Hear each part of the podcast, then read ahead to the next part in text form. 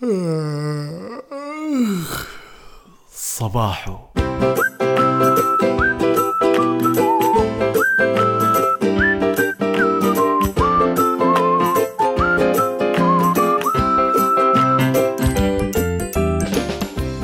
صبحكم الله بالخير أعزائي المستمعين. أحمد قريش معاكم مجددا بعد غياب أسبوعين.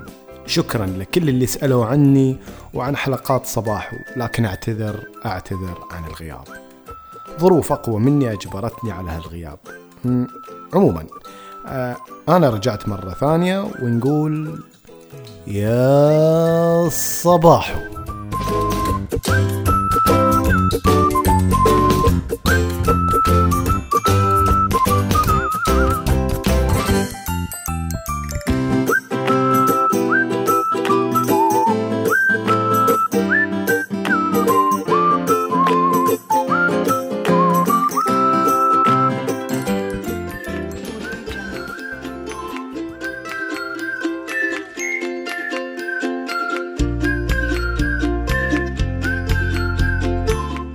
اللي قال المثل المعروف أو المقولة المعروفة من راقب الناس ما تهمن ما كذب فعلا ما كذب.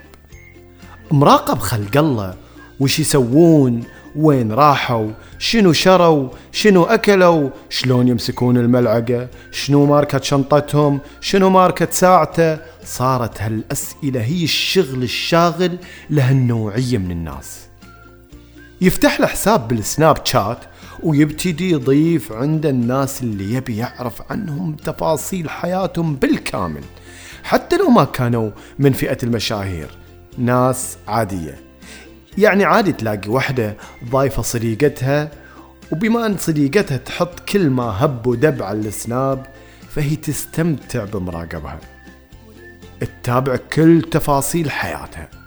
وبعد ما تخلص تروح جلسة الحريم اللي تقعدها كل ليلة وتبتدي تنق وتنتقد وتقول رافعة ضغطي هالآدمية هذه شفتوها إيش سوت اليوم على السناب ما له داعي تورينا هالتفاصيل. أحس إنها سخافة بصراحة ويوم إنك تحسين إنها سخافة ليش مستمرة تراقبينها؟ ليش ماخذة جزء من وقتك اليومي؟ ليش يوم اللي يجيك أحد وانت تشاهدين سناباتها تصارخين وتقولين لحظة خليني أسمع. أنت مو ملاحظة إن اللي تراقبينها يوميا مسوية لك قلق وتوتر مسببة لك تعب نفسي ورفع الضغط. بعضهم ينتقد وما يعجبه اللي تسويه فلانة على السناب وبعد مدة تلاقونها تسوي نفس الشيء. وبعضهم يتمنى أن يوصل لمواصيل الشخص اللي على السناب بس ما يقدر فيظل في تعب نفسي هو في غنى عنه.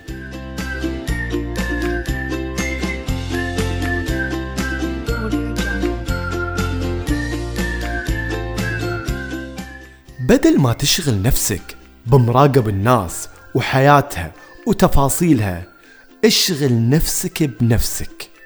كل اللي اكتفوا بالمراقبة ما حققوا شيء في حياتهم. وإن كنت ناوي تراقب ناس راقب الناس الناجحة الناس اللي قدرت تضيف شيء لهالعالم راقب شنو يقولون تعلم منهم شنو يسوون شلون وصلوا للي وصلوا له واسعى إنك تسوي مثلهم وتوصل للنجاح مثلهم.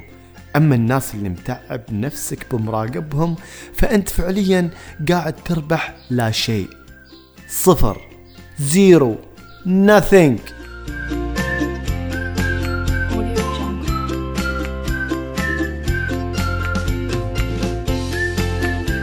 هالكلام مو بس اللي يراقبون بالسناب أو الفيسبوك أو تويتر أو غيره حتى اللي يراقبون خلق الله بعيونهم ويسألون عن فلان وين سافر وليش سافر هالمكان من وين للفلوس ومن وين جاب فلوس البيت الجديد ويروح ويتكلم في المجالس ويحط ويشيل ويغتاب الناس وانت إيش دخلك في حياته.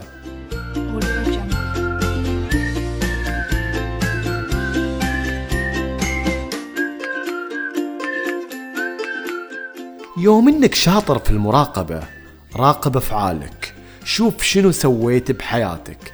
لا تقارن نفسك بالناس الثانية قارن نفسك بنفسك. ترى كلك أغلاط. أنت مو معصوم من الغلط. لا تنتقد خلق الله وأنت تسوي مثلهم. وإذا ما كنت تسوي مثلهم تسوي أشياء ما لها داعي.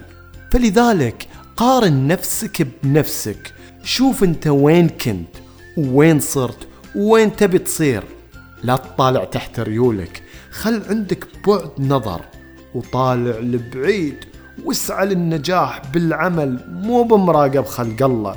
صدقني اللي قاعد تراقبهم هم المستفيدين. انت عطيتهم اهمية يمكن ما يستحقونها. ياما ناس صاروا مشاهير مو عشان انهم حطوا تفاصيل حياتهم اللي ممكن إنها تكون عادية وبعض الأحيان سخيفة. معليش اسمحوا لي على هالكلمة سخيفة. بس لأن في ناس تراقبهم وحطت لهم أهمية ما يستحقونها. صاروا مشاهير سناب أو مشاهير فيسبوك أو مشاهير تويتر. وهم ما يقدمون ولا يأخرون في هالناس بل على العكس يضيعون وقت غيرهم.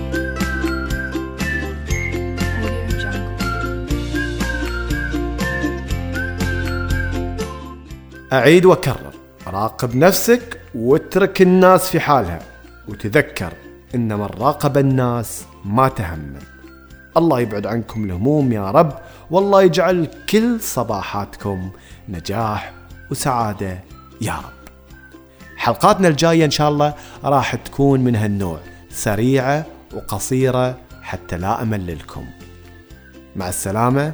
والله يسمح دربكم ونقول يا صباحو.